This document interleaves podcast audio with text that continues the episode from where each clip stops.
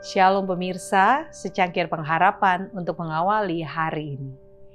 Yesus pergi melakukan kebaikan, yaitu tentang Yesus dari Nazaret, bagaimana Allah mengurapi dia dengan roh kudus dan kuat kuasa dia yang berjalan berkeliling sambil berbuat baik dan menyembuhkan semua orang yang dikuasai iblis, sebab Allah menyertai dia. Kisah para Rasul 10 ayat 38 para pengikut Kristus telah ditebus untuk melayani. Tuhan mengajarkan bahwa tujuan kehidupan ini yang sebenarnya ialah melayani. Kristus sendiri adalah seorang pekerja dan kepada semua pengikutnya memberikan hukum mengenai pelayanan kepada Allah dan kepada sesama manusia. Di sini Kristus menyatakan kepada dunia suatu pengertian yang lebih tinggi mengenai kehidupan dari apa yang pernah diketahuinya. Oleh hidup untuk bekerja bagi orang lain, manusia dibawa ke dalam hubungan dengan Kristus. Hukum mengenai pelayanan menjadi rantai penghubung yang mengikat kita kepada Allah dan kepada sesama kita manusia. Kepada hamba-hambanya, Kristus menyerahkan hartanya sesuatu yang harus digunakan baginya.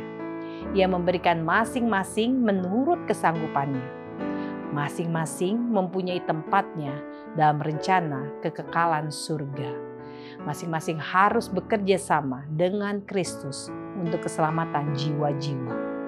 Tidak lebih pasti tempat kita disediakan dalam rumah surgawi daripada tempat yang istimewa yang ditetapkan di dunia di mana kita harus bekerja bagi Allah. Seri Membina Keluarga jilid 5 halaman 247 dan 248. Hidupnya adalah suatu kehidupan pengorbanan diri yang terus-menerus. Ia tidak mempunyai rumah di dunia ini kecuali atas kebaikan hati sahabat-sahabat yang memberi tumpangan kepadanya sebagai seorang musafir. Ia datang untuk mewakili kita, menghidupkan suatu kehidupan yang miskin dan berjalan serta bekerja di antara mereka yang susah dan menderita. Tak dikenal dan tak dihormati. Ia berjalan keluar masuk di antara orang-orang kepada siapa ia telah melakukan banyak hal. Selama pelayanannya, Yesus membaktikan lebih banyak waktu untuk menyembuhkan orang sakit dibandingkan dengan berkhotbah. Mujizat-mujizatnya menyaksikan tentang kebenaran perkataannya bahwa ia datang bukan untuk membinasakan, tetapi untuk menyelamatkan. Ke mana saja ia pergi, kabar baik tentang rahmatnya mendahului dia. Di mana saja pernah ia kunjungi, orang-orang yang telah mendapat pertolongannya bersuka cita karena kesehatan yang sudah pulih dan mereka memanfaatkan kuasa yang baru saja mereka dapatkan.